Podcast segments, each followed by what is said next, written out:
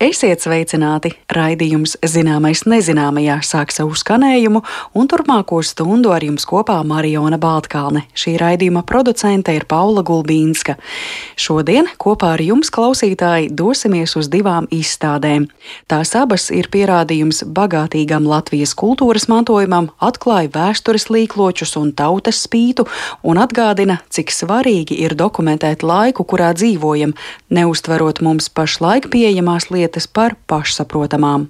Vainagu simbolisko jēgu tautas tērpā dažādos gadsimtos skaidrosim raidījuma otrajā daļā, stāstot par izstādi vainagošanās, bet sāksim ar gājienu uz izstādi Uzvilkt Latviju Latvieša tautas tērps pasaulē.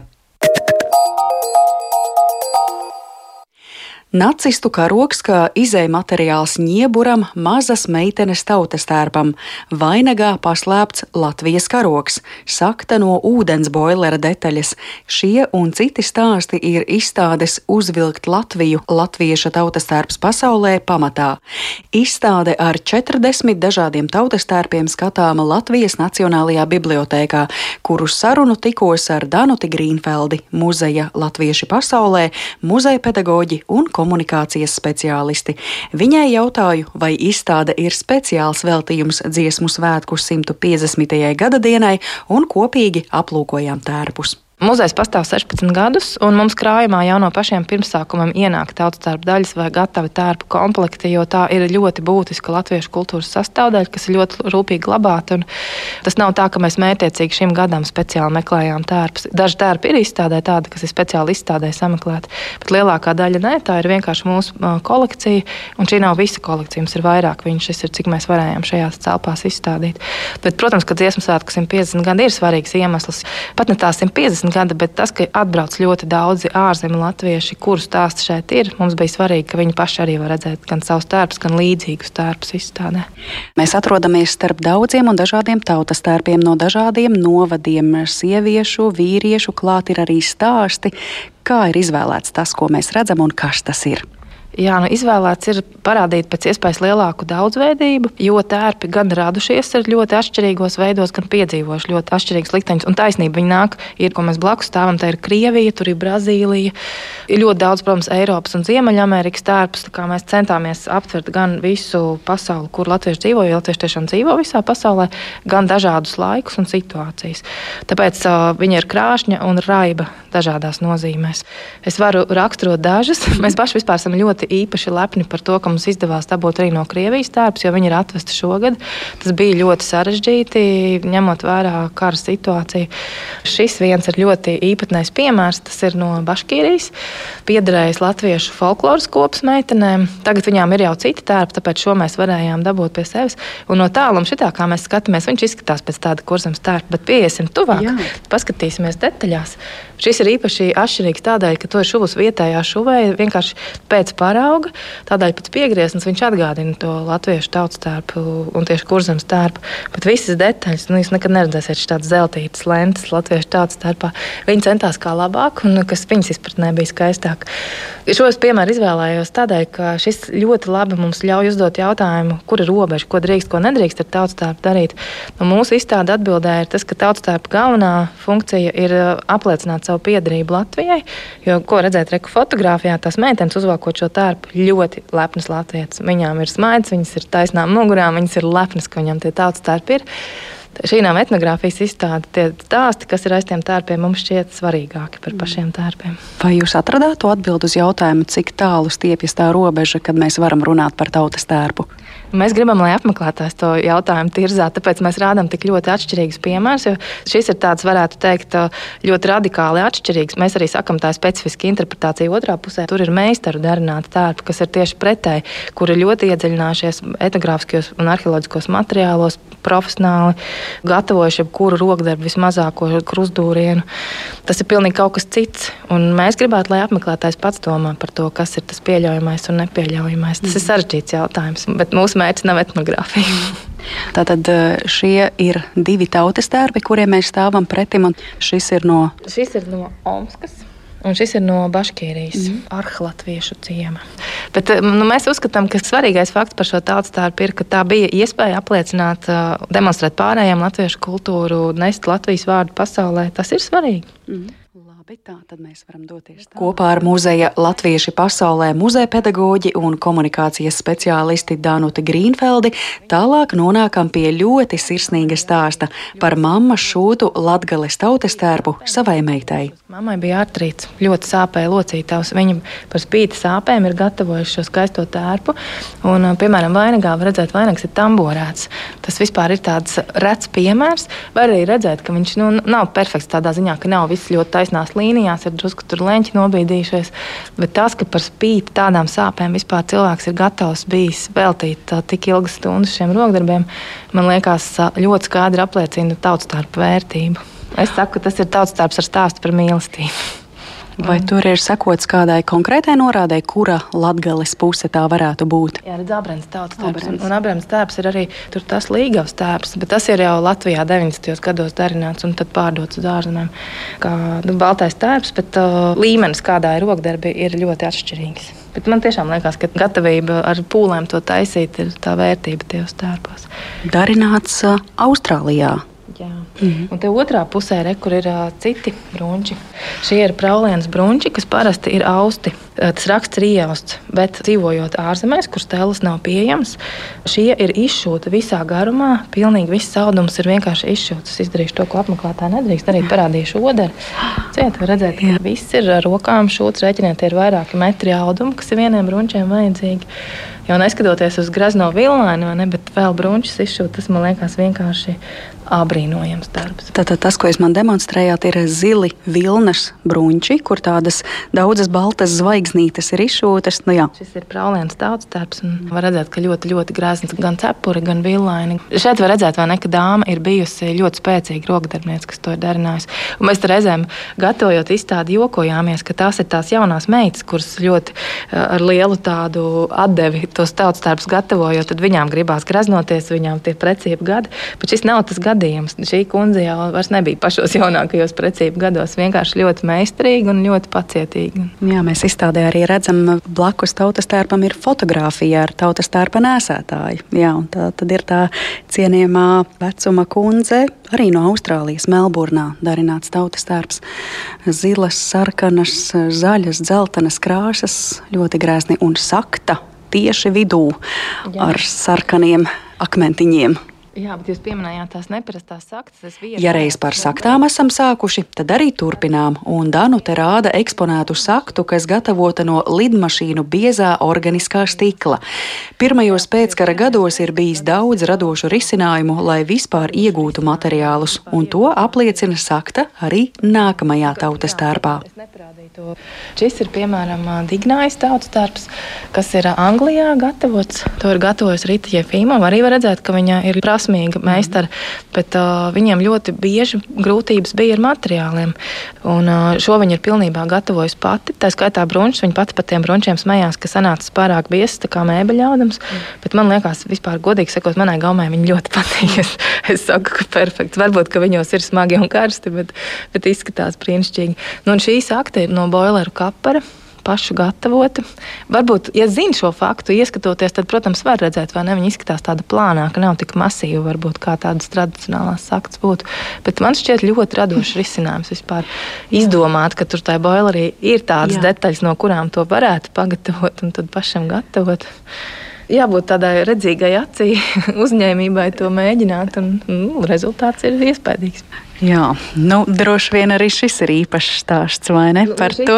Jā, ja mēs sākām jā, par šiem risinājumiem, tad šis ir skatuves tēps, un tas ir jāņem vērā, jo, jo tad, kad diskutē par tām robežām, ko drīkst, ko nedrīkst, tas ir jāņem vērā arī Latvijā notiek tieši tas pats, ka dejojot ir uh, cita veida kustības nekā vienkārši godos. Dejotāji vispār mēdz diezgan daudz ko pielāgot savos tērpos, un viena tāda ļoti bieži sastopama lieta ir, ka citādāk vilēns sprauž, jo dejojot jāatcerās galā rokas uz augšu un ar vienu saktu sasprāžot vilēni ir grūti kustēties.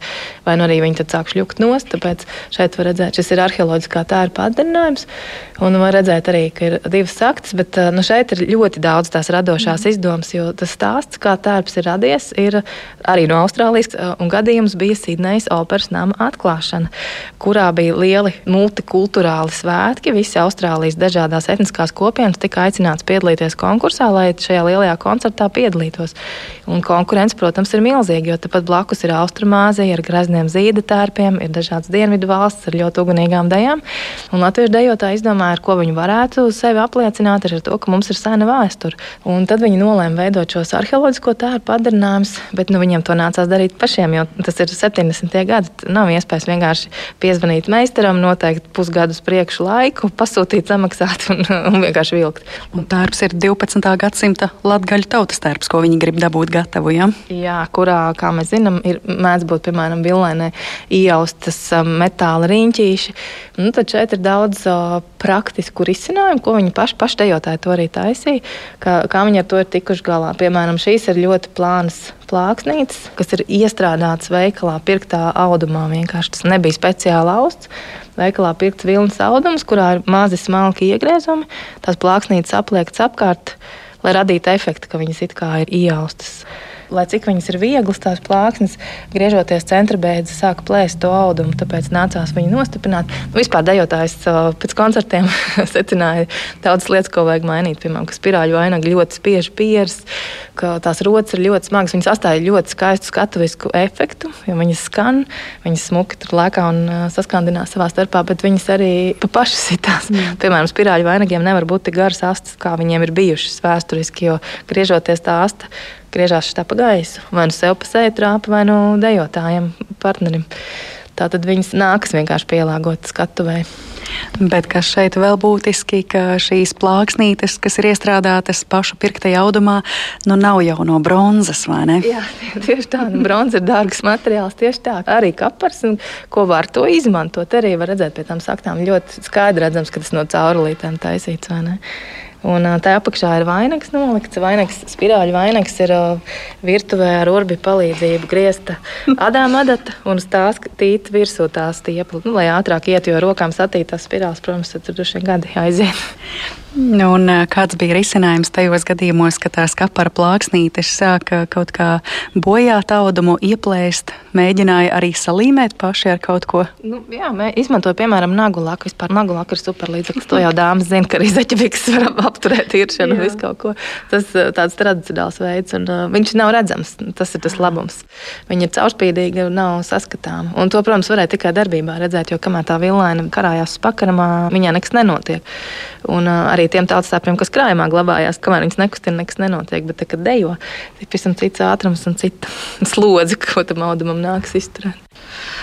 Labi, Danutēn, es zinu, ka ir vēl droši vien stāsts par uh, bēgļu nometnēm, kā Jā. tur tika darināti tautas tērpi. Ja? Cik kopā sanāk ir izstādē? Izstādē 40 tērpi mums īstenībā ir vairāk. Un arī tagad, kad tā izstāde jau ir atklāta, tad cilvēki nāk ar vēl vairāk stāstiem un ir gatavi dāvināt savus tērpus. Mēs nevaram visus īstenībā uzglabāt, mums nav tik liels krājums. Bet uh, mēs esam prasījuši etnogrāfiem, kā es domāju, cik tad vajadzētu būt mūsu krājumā. Un etnogrāfi saka, ņemiet visus, uh, cik var, tāpēc, ka galvenais ir stāsts, nevis pats tas tērps. Un mēs tagad stāvam pie bēgļu nometnēs darinātiem tērpiem. Nu, tiem tiešām ir tie stāsti, varētu teikt, tādi krāšņi tajā izdomā, kā cilvēki ir tikuši pie tērpiem.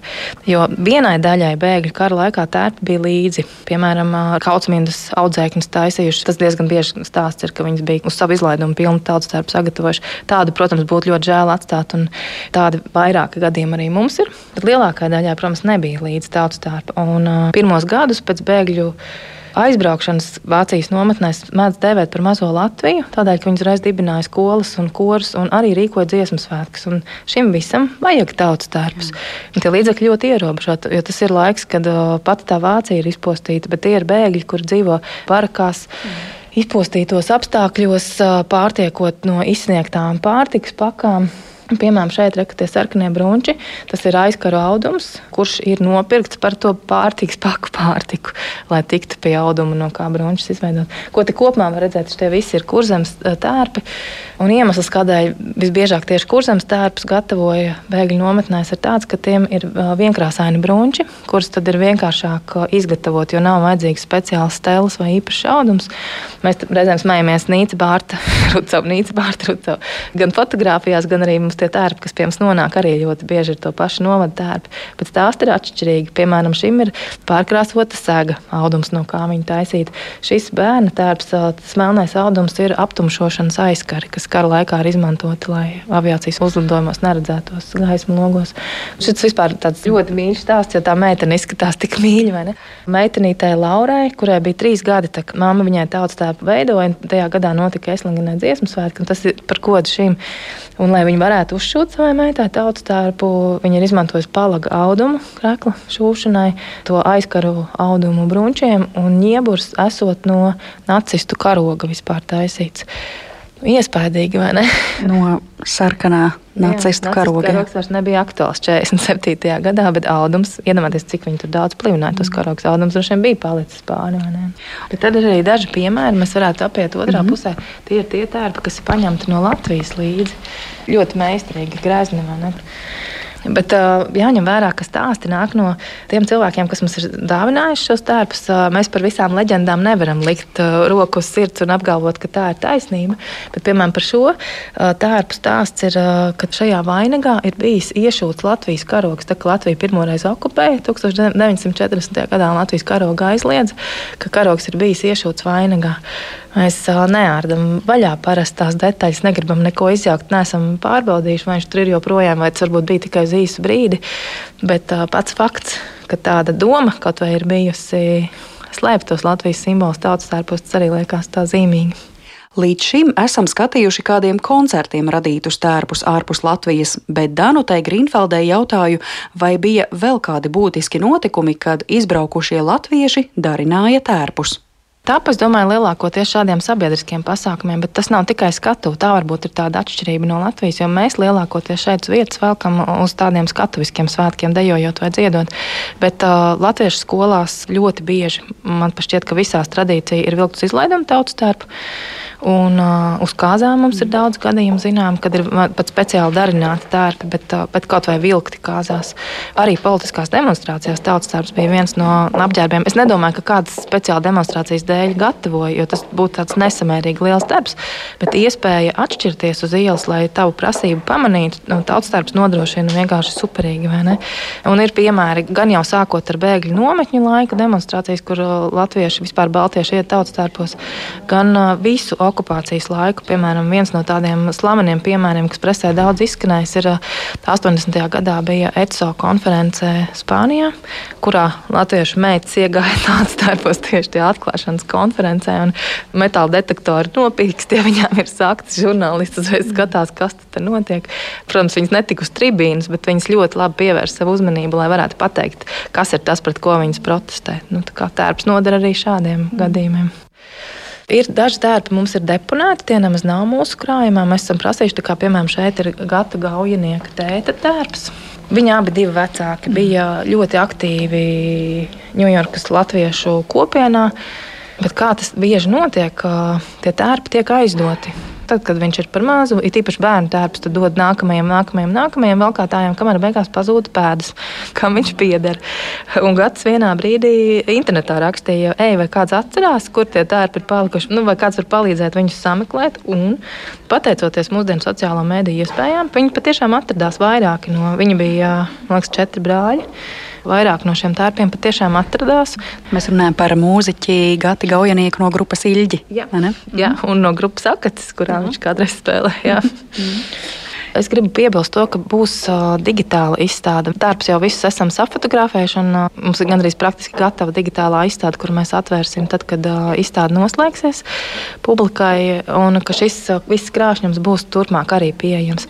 Izstāde ir skatāma līdz 2. septembrim. Tā būs pēdējā diena, kurā būs noslēguma diskusija, kad mēs centīsimies apkopot šos visus pretrunīgos jautājumus, ko mēs pieminējām. Un līdz tam es aicinu visus ieskatīties izstādes mājaslapā, uzvilkt Latviju Latviju LV, kurā ir pasākumu kalendārs. Jums ir arī vairākas lekcijas, tikšanās ar tautstārpu valkātājiem. Vēl mums ir tādi sarunbiedri, jums interesantāk ir izstāde apmeklēt, nevis nākt un lasīt, bet ar kādu parunāties. Mums ir speciāli četri sarunbiedri, kas ir gatavi komentēt un uzklausīt. Un vēl mums ir audējs, kurus arī var satikt šeit izstādē, kurus ļauj tellēs pamēģināt viņu klātbūtnē paust audumu un īpaši uz izstādi tiek aicinātas ģimenes ar bērniem. Atsevišķā telpā iespējams vīt ornamentus no auklām un izkrāsot tautas tērpus uz papīra, lai apģērbtu papīra lelles, un bērns pats var izvēlēties, vai tautu dēlam uzvilkt kājās kurpes vai tomēr pastalas, jo tautas tērpi var būt dažādi.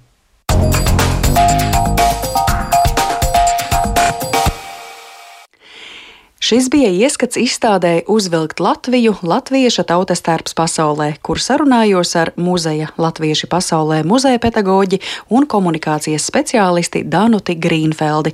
Piebildīšu, ka vēl plašāku ieskatu šajā izstādē varat gūt šodien pēc pulksten 15. klausoties raidījumu Globālais latvietis 21. gadsimts. Bet mēs turpināsim tālāk ar izstādi Vainagošanās.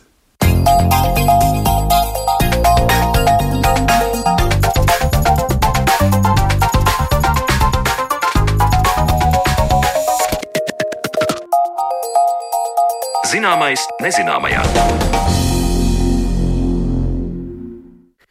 Jau rīt Latvijas Nacionālā vēstures muzeja telpās skatītājiem durvis vaļā vērs koša un grezna izstāde veltīta vainagiem. Par vainagu nozīmi tautas tērpā un ko vainaga uzlikšana galvā nozīmē mūsdienās, par to saruna mūsu raidījuma turpinājumā, kur viesos esam aicinājuši izstādes vainagošanās koncepcijas autores - Latvijas Nacionālā vēstures muzeja arheoloģijas departamenta pētnieci Iritu Žējeri. Labdien! Labdien.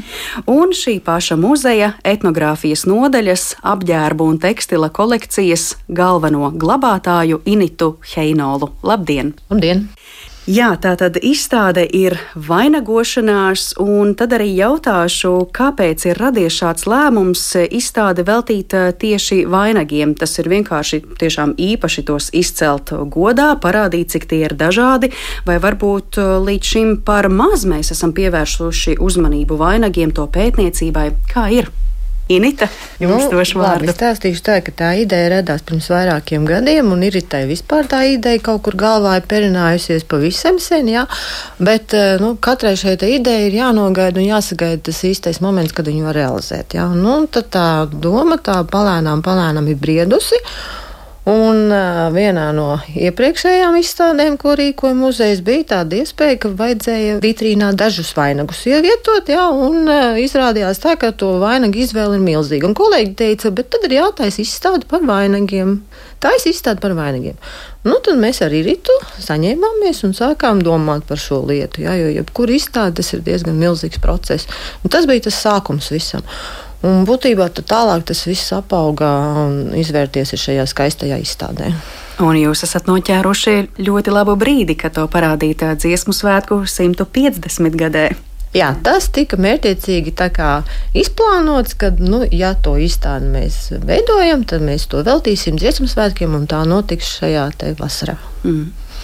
Bet es pirmie pieminēju to pētniecību, kā ir Vai var tā teikt, eh, ka, piemēram, vainagi būtu palikuši mazliet ēnā no tādas pētniecības viedokļa salīdzinājumā ar pārējām tautas tērpa sastāvdaļām? Vai tas tā nav? Vainags vienmēr iet roku rokā, mēs pētām villaini, ņieburu, un tur blakus vienmēr ir arī vainags. Tas netiek atstāts novārtā. Protams, ka tas iet roku rokā.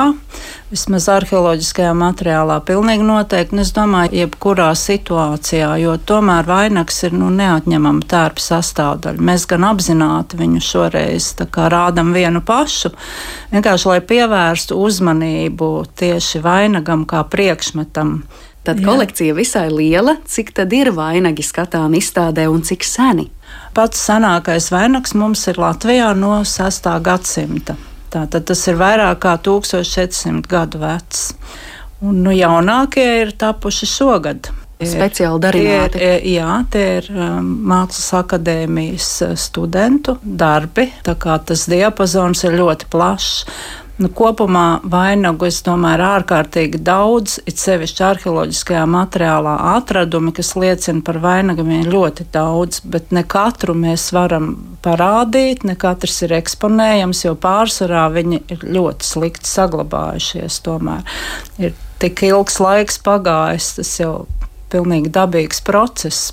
Priekšmets nevar nu, tik ilgi stāvēt nebojātā veidā. Viņš ir gan sairis, gan um, patinas sāēsts un arī jaunāko laiku.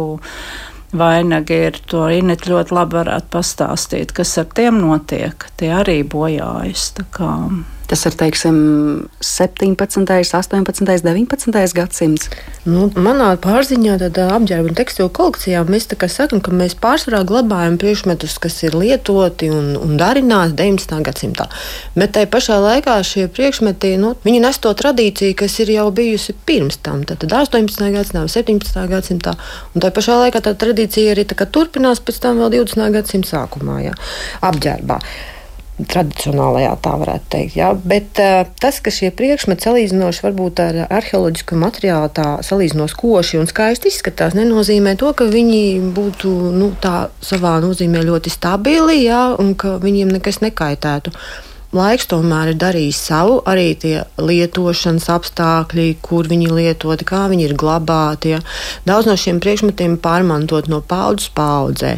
Otra lieta tāda, ka no tiem īpašniekiem, kad pēc tam tie priekšmeti ir nonākuši muzejā, ir nu, glabājušies, eh, piemēram, klētī kaut kur kādā lādē, vai, piemēram, dažs no viņiem ir izmantots ķekatās ejot, jo, nu, tā tradīcijā viņš no dzīvās tradīcijas ir jau izgājis laukā no aprites, nu, viņu izmantot savādāk. Ja. Un vēl viena lieta, kas eh, būtībā ir ļoti svarīga, varbūt arī diezgan tāda uztraucoša, ka šajos te vainagos, 19. gadsimta vainagos ir ļoti daudz dažādu materiālu, kas savstarpēji iedarbojās, un tad tur radās tāda neīpaši labvēlīga miedarbība. Tieši materiāli sāka korodēt, sadrupt. Un tad ir tā, kurš kuru, jā. Nu, piemēram, stikla pērlītes, stikla salmiņi ir ļoti trausli. Tāda lieta, kas notiek ar nīcas bārtas vainagiem, kur ļoti skaidri parādās šī problēma. Nu, ir arī citi materiāli, brokāta lentes un stikla rotājumi detaļas, arī šīs lietas savstarpēji vienu otru ietekmē, un tad tur pa vidu radās kaut kas tāds, kas ir restauratoriem. Restauratoriem tad jāpieliek liels darbs, lai palīdzētu šiem priekšmetiem, nu, kā lai saka, turpināt dzīvi. Ja? Es tieši par restaurāciju arī gribēju jautāt, vai jums izstādes nolūkos nācās speciāli veikt restaurāciju vainagiem, lai tos pēc iespējas skaistāk varētu parādīt. Jā, nu bez restaurātora palīdzības šī izstāde pilnīgi noteikti vispār nebūtu tapusi. Jo mēs jau nevaram tādus vainagus, kādus viņas, piemēram, izrok no zemes, mēs viņus nemaz nevaram eksponēt. Arī šie 19. gadsimta vainagi prasa ļoti lielu ieguldījumu, lai viņus varētu parādīt cilvēkiem visā savā krāšņumā. Viņi tagad tiešām ir atguvuši tādu mircumu un posmu, jo stāvot jau līdz tam vienkārši krājumā, tas. Nu, pilnīgi citā skatā tie vainagi bija. Mēs pašas brīnījāmies par to, kā viņi burtiski uzplauka daži vai ne. Un restaurātori, nu, viņi jau visu laiku strādā gadiem, bet izstādēji tiešām divu gadu garumā viņi praktiski gandrīz to vien tikai darīja, kā strādāja ar mūsu vainagiem un mēģināja kaut kā viņus padarīt uh, izturīgākus, skaistākus, veselīgākus, bet, uh, nu, diemžēl, mēs arī visus nevarējām izlikt, pat tos, ko bijām saplānojuši, jo, nu, telpas arī varbūt neļauj tik daudz eksponēt, cik mēs gribētu, un varbūt arī vienmēr nevajag to kvantumu. Jā, tieši restaurātoru liels ieguldījums, un tieši tāpēc mēs izstādē esam arī atvēlējuši viņiem tādu mazu telpiņu, kur būs arī nedaudz par restaurācijas darbiem tieši šīs izstādes sakarā. Mm, brīnišķīgi, tas ir divi vienā, ko apmeklētāji dabūs redzēt. Un tā ir tā aizberga neredzamā daļa, kas notiek šo divu gadu garumā, lai izstāde reāli taptu. Bet, nu, ja mēs runājam par vainaga funkciju, vainaga simbolisko nozīmi, kāda tad tā ir bijusi cauri gadsimtiem? Jūs, Irita, minējāt, ka senākais izstādē ir no 6. gadsimta gadsimta, un tad savukārt Inita min 19. gadsimtu. Vai šī funkcija vainagam visos šajos gadsimtos ir bijusi vienāda? Nē, nu pilnīgi noteikti, ka nē. Nav tāda tradīcija, kas pastāvētu nemainīgā veidā gadu tūkstošiem, un, protams, arī tā vainaga simboliskā loma ir mainījusies gadsimtu gaitā. Mēs, protams, nezinām skaidri, nevaram nodefinēt, kāda viņa ir bijusi kādreiz cilvēku prātos. Mēs varam tikai pieņemt savus minējumus, jo, piemēram, izrakumos mēs atrodam vainagus gan pavisam mazām meitenēm, piecgadīgām, gan vecām sievietēm galvā, tādām jau tiešām gados. Un vēl vainaga piedāvājumi ir nevis viens, bet pat četri kādreiz salikta viens uz otru. Tātad šī vainaga simboliskā loma ir bijusi pilnīgi atšķirīga no tā, kāda viņa bija 19. un 18. gadsimtā. Un, nu, protams, ka vainags vispār kā priekšmets ir viens vienīgs simbols. Viņam nav nekāda cita nozīme, kā tikai kāda vēstījoša loma. Un, nu, noteikti, ka pats senākais varētu būt kaut kāds mītisks saturs tam vainagam, protams. Mēs te runājam gan par saules apli, gan par dažādām citām debesu parādībām, bet uh, viena lieta arī, kas, piemēram, arheoloģiskajā materiālā atspoguļojas, tad tā noteikti ir statusa parādīšana, statusa loma, statusa simbols. Tātad tas, kuram ir vainags, tas apliecina greznību, diženumu, augstāku statusu sabiedrībā. Jā, bet uh, status vienmēr nenozīmē tikai lielāku bagātību. Tā var būt arī kaut kāda cita veida ietekme. Tā kā tās iespējas dažādas. Un otra nozīme, kas noteikti varētu būt, ir arī tāda nu, aizsargājoša funkcija, piemēram, tāda nu, jau saistīta ar kādām mītiem, arī, protams, dziļāk. Jo nu, arī visas rotas, ko lietoja, tomēr viņām sākotnēji bija kāda tāda aizsargājoša loma. Visi tie zvārgulīši, kas tur ir piekarināti, un, un, un visi tie žuburi, kas nāk uz augšu, un aizmugurē piestiprinātie piekari, kas tev it kā no mugurpuses varbūt sargā. Nu, tās, protams, ir tādas iedomas, bet tajā laikā tiem cilvēkiem tas bija pats par sevi saprotams. Šodien mēs, protams, domājam savādāk. Mums ir pilnīgi citas domas par vainagu funkcijām. Un, Bet tas ir ļoti interesanti, ka jūs minējāt, izrakumos ir atrasti arī vainagi, kurus vecāka gada gājuma sievietes ir nēsājušas. Un te es domāju, vainagu ļoti bieži tradicionāli sasaista ar neprecētu sieviešu rotu, vai ne? Tad tas tomēr arī nav tā, ka viens pret vienu, ka tā visos gadījumos nebija. Nu, protams, tieši to es gribēju pateikt ar to savu vēstījumu, ka vismaz līdz 17. gadsimtam šim vainagam nav tāda nozīme. Vainags nav kā jaunavības simbols vai kā kāzu simbols. Kāda cita nozīme bijusi, bet nu, mēs viņu nevaram tā varbūt nodefinēt, tikai varam minēt. Mhm.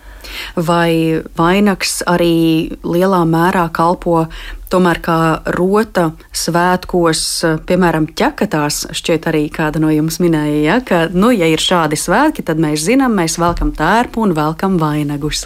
Nu, tur ir tā, ka tās ķekats es pieminēju, tāpēc, ka ir tie pieminekļu valdes uh, ekspedīcija materiāli. Un tādīs materiālos ļoti bieži var interesants lietas izlasīt par to, kā tie priekšmeti ir valkāti, nu, par to viņu pielietojumu. Ja? Un tā būšana ar tām ķekatām vairāk ir tāpēc, ka nu, tas tā kā vairāk joks, ja? bet būtībā vainags tādā tradicionālā apģērbā, nu, 19. gadsimtā un pirms tam, ja 18. gadsimtā, pirmām kārtām tas ir sociālā status rādītājs, ja? kad šī sieviete ir neprecēta, bet viņi ir tajā vecumā, kad viņi ir gatavi jau iziet pie vīra. Ja. Protams, tad, kad viņi ir precējusies, viņai nekāds vainags galvā vairs nav, viņai ir galvā sievas cepura. Tad, tad tas norāda šo sociālo statusu. Tā ir viena lieta. Otra lieta ir, ka šie priekšmeti tomēr ir ļoti grezni. Tā ir rota, tā ir galvas rota un īpaši grezni ir līgava vainagi. Tik uzskatīts, ka uh, viena no līguma vainagu pazīmēm ir šīs lentes, sīda bandas, kas ir uh, sietas mugurpusē. Bet, uh, kā aprakstos min, ka nu, tas gluži varbūt arī nav tā strikti noteikts, ka, ja bija lielāki godi, ja bija lielāki svētki, tad arī citas varēja pievienot jau tā greznējai galvasrotai šīs zīda bandas. Īpaši grēzni varbūt uh, ir uh, Dienvidkurzemes vizuļu vainagi sauktie, jā, kas ir uh, nu, tāds īpašs veidojums būtībā, jā, kas savā ziņā viņam ir tāds tā kā haotiska priekšmeta tēls. Jā, bet, ja tā iedziļinās tajā visā, tur ir diezgan strikta sistēma, kā viņš ir darināts arī pētniecībai pateicoties un restauratoriem pateicoties, šie vainagi ir ieguvuši kaut kādu daļu no tā senā, varbūt spožuma, kas ir bijis kādreiz viņiem. Savukārt pētniecības rezultātā konstatēja, ka tās stieplītes, kas tur tā atgādina tādu muģekli, tādu haotisku, jā, ir ļoti skaisti un ļoti konkrēti veidotas ar īpašu skalņu sakārtojumu. Mēs runājām par to, ka vainags ir bijis eh, statusa simbols, bet vai nebija tā, ka neatkarīgi no tā, kāds ir tavs status jaunai meitai, tomēr šis vainags tāpat bija jānēsā. Nu, es šeit iedomājos, nezinu, cik tas ir korekts salīdzinājums ar filmu Pūta vējiņa, ja, kur baigiņai ir vainadziņš, bet tāds nu, pavisam, pavisam vienkārši tiešām tā kā tāda stieplīte, un tad nāk zāne ar savu grazno vainagu, bet baigiņai tomēr šis vainadziņš ir. Nu, tā jau laikam tomēr ir bijis. Ja nu, vismaz kaut kādai šai eh, galvas rotai, kas atgādina vainagu, vai nu viņa ir mazāk grezna, vai viņa ir nu, pavisam pieticīga, viņa tomēr ir bijusi. Piemēram, dažos gadījumos ir aprakstos minēts, ka, jā, ka nu, bagātākajām tām bija tā ļoti grezni izrakstīti vainagi, un tas ir rotāti vainagi ar stikla pērlītēm ornamentēti. Jā, bet uh, varēja būt arī pavisam pieticīgi. Jā. -hmm. Jūs, Inita, iedavāt jau ļoti labu pavadienu, par ko es arī gribēju paturpināt, cik daudz ir zināms vispār aprakstos liecībās par to, kā šie vainagi darināti, kā tie tapuši, kādi materiāli, audumi, pērlītes, metāliņi izmantoti. To, kā tas ir darināts, var spriest no priekšmetiem, kas ir nonākuši muzeja krājumā, vienkārši skatoties to sastāvgāju. Bet aprakstos nav minēts, kā tas ir darīts, kā tas ir tapis. Jā. Ir ziņas par to, ka atsevišķi materiāli, atsevišķi sastāvdaļas ir pirktas pilsētā, piemēram, nu, tās metāla sastāvdaļas, brokāta lentes, zīda lentes, arī šīs te pašas pērlītes, smeldzītes, salmiņa, jā. arī auduma materiāli ir pirkti. Jā. Bet eh, tai pašā laikā laikā arī ir izmantots mājās austs audums, vilnas audums, vadmalausta. Un tā darināšana ir notikusi tā, ka tādus atsevišķus graznākos vainagus, ka tos varēja darināt eh, pilnīgi noteikti tikai pilsētā, darbnīcās jau tāda tā kā nu, meistari savā aroda pratēji, jā, kuriem gan bija pieejami šie materiāli, gan arī instrumenti, kā to visu darīt.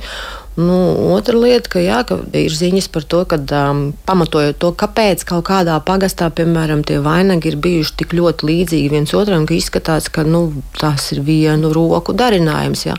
Nu, ir arī šīs liecības, tiešām, kad ir bijusi, piemēram, kaut kāda vainagu līze, kas ir mācējusi to visu darīt, un tad viņi arī šuvus, un tad citiem sašūs un tam līdzīgi. Nu, būtībā tur ir tāds komplicēts viss tas process bijis, kā tā darināšana notikusi. Bet, nu, tad ir arī minēts tas, ka darināja paši, jā, bet zem tā vārdiņa paši jau var slēpties viss kaut kas apakšā. Jā, vai tas ir domāts tas, ka šeit pat pagastā uz vietas darināja, vai tas cilvēks mājās darināja. Nu, dažādi tur ir. Jā bet vainagu tā vienkārši tirgu arī varēja iegādāties. Nu, es saprotu no tiem aprakstiem, ka gluži tā kā tirgu nē. tirgu nē, bet ir bijis tāda lieta, ka, piemēram, ir aprakstos minēts, ka ar vienu vainagu ir vairākas brūces greznojušās, izgājušas pie vīra. Ka būtībā tā ir dārga lieta, kas ir bijusi, nu, varētu teikt, iznomājama. Jā, par to ir tai īpašniecei kaut kas tikts iedots, tur cimdi, vielis, krekls varbūt vēl kaut kas, jā, un nu, tā bijusi tā samaksa tā kā uz to momentu, ka viņi ir dabūjuši to vainagu tām kāzām tad es jūtu, ka vainags laikam nav tas priekšmets, kur ļoti viegli pārmantotos tās prasmes no paudzes paudzē, jo šie stāsti, kā tie tika darināti, bija nu, pa ļoti dažādiem ceļiem. Jā, bet tā tradīcija jau būtībā tērpā viņai jau ir izsekojama priekšmetu kopumā. Piemēram, villainēs, nu, tur vainagos ir radniecība ar villainēm, villaiņu rakstiem kaut kā tie cilvēki jau nu, skatījās, viņi redzēja, kā tas viss ir, un viens nodeva nākamajai paudzei un uz priekšu tas viss. Un tad nākamā paudze nāk, viņa kaut ko pieliek klāt pēc savas gāmas un saprašanas, un tad tālāk tas viss tā kā attīstās. Mm. Sakiet par vainagu nēsāšanas nosacījumiem, cik strikti tie ir bijuši. Nu, piemēram, es atceros eh, skolas laikā, kad es dziedāju korī, mums eh, diriģente teica, nu nevar vienkārši paņemt vainagu un tagad tā kaut kā, jebkā uzlikt uz galvas. Ja, ka tur vainadziņam ir jāiet līdz ar matu saknītēm skaisti. Tad vēl ir bieži dzirdēts, nu tas nav īpaši labi, ka meitene ar izlaistiem matiem liek eh, galvā vainagu, ka tomēr ir jābūt bizai. Kādi ir tie noteikumi, kodeks vainaga nēsāšanai, kas par to ir zināms? Nu, tie ir pieņēmumi. Ah. Nu, kaut kāds pamats jau tam visam ir. Ja, bet, um... nu, vismaz 17. gadsimta aprakstos, kā mēs zinām, ir rakstīts, ka sievietes staigāja vaļējiem izlaistiem matiem šeit, uh, Livonijā. Un uh, galvā gan jaunākas, gan vecākas sievas lika tos vainagus. Nav tik strikti. Ja. Nē, nu, ir jau kaut kāda noteikuma, jau noteikti pastāvēs visos laikos. Tikai, diemžēl, mēs vispār ļoti maz ko zinām par tā laika cilvēku dzīvi. Viss tas, ko mēs te runājam, tomēr lielā mērā ir tikai minējumi. Jo arī par tiem 19. gadsimta vainagiem un arī apģērbu jau īstenībā ir ārkārtīgi maz informatīvā materiāla. Mums ir šie paši priekšmeti kas kaut ko var pastāstīt, bet tas jau nav viss, ko mēs gribam zināt. Nekādas rakstiskas liecības gandrīz nav, diemžēl. Ļoti maz, nu, ir tie pieminiekļu valdes materiāli. Tad jau, kad viņus sāka vākt, jau lielākā daļa vairs nelietoja ne šos vainagus, ne tautas tērpus. No visa jau bija atteikušies cilvēki paši viņi atteicās no tā, pēc tam attapās, ka tā tomēr ir vērtība. Mm. Kādu pier, pierakstu vairs nav. Jā. Jā. Maz, maz tādu, jo, kad mēs dzīvojam un lietojam, mums tas ir pašsaprotami. Gan par vainagiem, par jebkuru lietu. Ja? Ko mēs darām, mums tas ir pašsaprotami. Mums neliekas, ka svarīgi ir to kaut kur pierakstīt nākamajām paudzēm. Līdz ar to, jo tuvāk uh, mūsdienām, jo īstenībā mēs arī mazāk ko zinām. Mēs pat tagad daudz ko par tiem padomju laikiem cilvēki nezina, jaunākā paudze. Un, ja ir tikai tikai šie priekšmeti, tad jau mēs daudz ko palaidām garām. Priekšmets viens nevar visu izstāstīt. Kā daudz atbildes mums nav. Un, ja vēl drīkst pieminēt par to darināšanu, tad, piemēram, arheoloģiskie atradumi tie, kas ir metāla vainagi, viņi pilnīgi noteikti visi ir pirkti, iegādāti tajā laikā, jo tos varēja tikai rotkalis izgatavot no metāla. Un svarīgi vēl arī atcerēties varbūt to, ka visi šie bronzas vainagi, nu, vainagi bija gatavot no bronzas, un bronza viss ir ievests materiāls jau pats pa sevi. Viņš ir ļoti dārgs. Un vajadzēja īpašas prasmes, lai viņu apstrādātu, lai viņu varētu sagatavot nepieciešamajā formā, lai viņus varētu izveidot šos vainagus. Tam bija jābūt īpašam speciālistam, īpašam amatniekam. Un tāpēc tie visi metāla vainagi pilnīgi noteikti ir pirkti. Bet tad sanāk tā, ar 6. gadsimtā tas ir kāds kalējs kopienā, kuram to palūdz, un tad attiecīgi arī norēķinās atbilstošā 6. gadsimta tieši valūtā. Tā, tieši Jā. tā, kaut kādā maiņas veidā jau šī norēķināšanās notika. Jā. Nu, es ticu, ka arī 19. gadsimta vainagos tur jau arī visas šīs graznuma lietas, kādi ir spīgulīši, akmentiņi, kaut kas no tā jau arī tika ievests, vai ne? Viss nebija uz nu, vietas. Mm, pilnīgi noteikti, jā. Mm. Mēs līdz šim esam runājušas par um, tādiem auduma, metāla vainagiem, bet es vēl gribēju jautāt par ziedu vainagiem, ko mēs liekam galvā Jāņos, dziesmu svētkos. Tur tā simboliskā jēga arī gadsimtu garumā ir bijusi līdzīga. Aizsardzības simbols, uh, jaunavas simbols, nu droši vien par statusu mēs tik daudz te nevaram runāt. Es domāju, ka tur ir pilnīgi cita nozīme. Tā ir nu, kaut kāda prieku svētku, tāda svinību sajūta. Jo kā mēs zinām, pat vīrieši liek vainagus galvā. Jāņa vainags. Atsevišķi jā. tieši tā, gan Jāņa vainags, gan arī dažās dienvidu zemēs, dienvidu Eiropas arī vīrieši nesā ziedu vainagus kādos svētku gadījumos. Kā šeit atkal tam vainagam ir pilnīgi cita nozīme, un ziedu vainagu arī var nesāt, manuprāt, jebkurš Tur nav nekādi stingri nosacījumi, ka tev vai nu jābūt ir neprecētai, vai precētai, vai vēl kāda. Šeit tie nosacījumi nepastāv. Tu par prieku var izrādīt jebkurš kādos svinību gadījumos. Mm. Nu jā, Jāņu gadījumā gan arī tas ziedu vainagdziņš kaut kur ienāk tajos stāstos, aprakstos kā tāds meitenes, jaunavas simbols, un tad noceļ vainadziņa, ja, un tā tālāk. Bet kā jūs vispār jūtat mūsdienās tā interese par šiem vainagiem, varbūt no kādiem mākslinieciskiem kolektīviem atzimst vairāk, ir cilvēkiem vairāk interese par šo mantojumu? Kāda ir tā sajūta? Protams, pēdējos gadu desmitos jau cilvēki atkal ļoti nopietni pievēršās šai tēmai. Viņi nāk un pēta un darina grib kaut ko līdzīgu tam, kāds kādreiz bija, grib tos senos vainagus atkal lietot, mm. izmantot sev svinīgos gadījumos, svētku reizēs. Tas ir ļoti jūtams, jā, šī interese. Bet tad atkal eh, sanāk, ka jūs iespējams nonākat tajās grūtībās, ka to aprakstu jau īsti vai ne nav. Tad sanāk balstīties tīri kaut kādos vizuālos materiālos, kādā paraugā jau esošā. Jā, nu tieši tā, ne jau tikai aprakstu nav, bet nav jau arī to vainagu no katras vietas. Un cilvēki jau grib, tagad, ja viņi darina, viņi grib nu, no tās savas vai nu dzimtās vietas, vai no tās vietas, kur viņi tagad dzīvo. Nu, kaut kāda interese viņiem ir par konkrētu reģionu vai par konkrētu pagastu, bet mums jau nav no visiem, un jāatcerās, ka tie vainagi jau divu vienādu vainagu faktiski nebija. Katrs bija savādāks. Lai gan vainags eh, nav tikai stāsts par neprecētām sievietēm, kā jau mēs noskaidrojām, es tomēr gribētu jautāt, vai tikpat greznu izstādi, kādu jūs šobrīd esat izveidojuši vainagiem, būtu iespējams organizēt arī par precēto sieviešu galvas rotām, aubēm, cepurēm, vai arī tomēr kaut kā senčiem tas eh, greznums tika izlikts vairāk vainagos. Nu, man, man pašai bija tāds jautājums, pašai priekš sevis. Tas jautājums Aha. bija, nu, labi, vainagu izstāde mums tagad ir, ja, un kāda ir tām sievu cepurēm. Tur būtībā jau arī precēt sieviešu galvas segas ir ļoti interesanta tēma.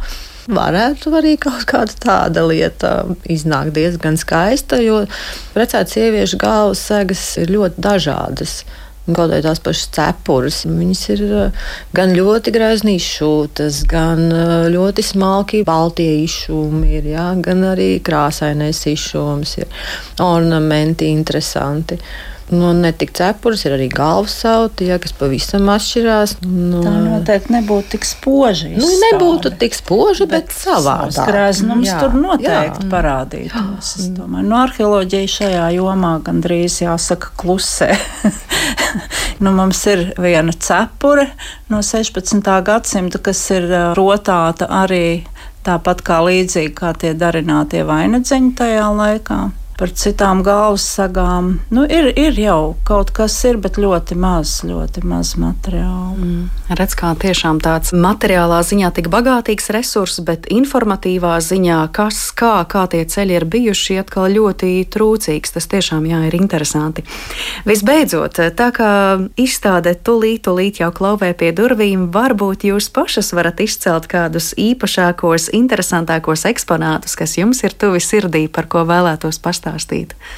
Es varbūt varētu pieminēt tādus pavisam, pavisam sīciņus, mazus fragmentiņus no vainagiem, kas ir saglabājušies. Man viņa ārkārtīgi fascinē tieši ar to, ka viņi ir uh, gatavoti no krāsotiem zirgu astriem, gan no dabīgu toņu, dažādiem zirgu astriem, gan arī no krāsotiem. Un uh, vienkārši apbrīnojami ir tas, ka, ja paskatās uz to mazo fragmentiņu, kas nav pat centimetru plats, tad vienkārši domājot par tiem cilvēkiem, kas to darināja, kā viņi varēja bez brillēm, bez nekādām palīgi ierīcēm, ar saviem pirkstiem tajās tumšajās būdiņās šo visu dabūt gatavu, nu, tas ir vienkārši apbrīnojami. Mm -hmm. Un zinot vēl, ka zirga astri ir ārkārtīgi nepakļāvīgi kā materiāls. Un tad to vēl nokrāsot. Nu, nokrāsoja jau viņas pirms tam, tas nu tā. bet eh, tas varbūt nav tas sarežģītākais, bet tieši to pinumu izveidot, nu, tas tiešām man šķiet abrīns vērts. Mm. Inita, jums arī kāds favorīts? Favorīti varbūt tur ir ļoti daudz man tajā kolekcijā, jo tur ir tādi priekšmeti, kas patiesībā ir vienīgie tādi visā Latvijā. Nu, beig beigās sanāk arī kā paraugs, tāds ir, nu, tad viņš ir vienīgais vispār. Jā.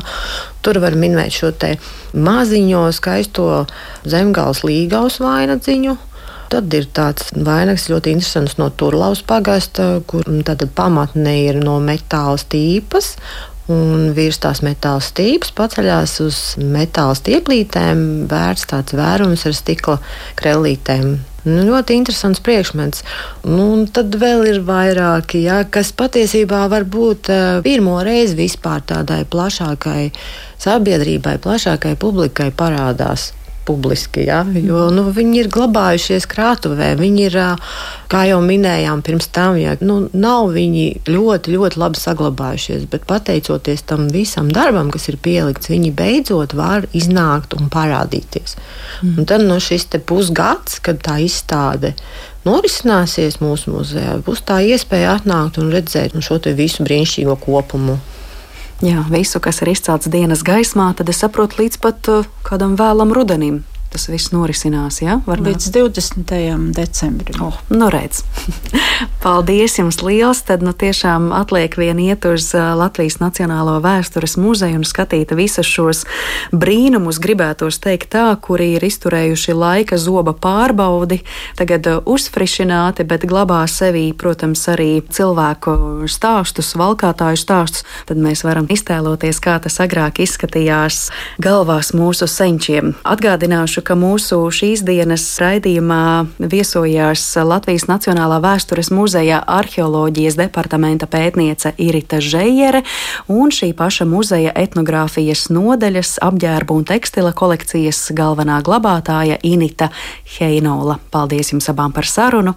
Ar to mūsu šīs dienas raidījums arī izskan. Par to parūpējās producente Paula Gulbīnska, par mūziku šai stundai gādāja Girds Bišs, skaņu režijā bija Nora Mitspapa un Marija. Mariona Baltkalne pie mikrofona, lai atklājumiem bagāti mirkļi izstādē un uz sadzirdēšanos citā brīdī. Visu labu!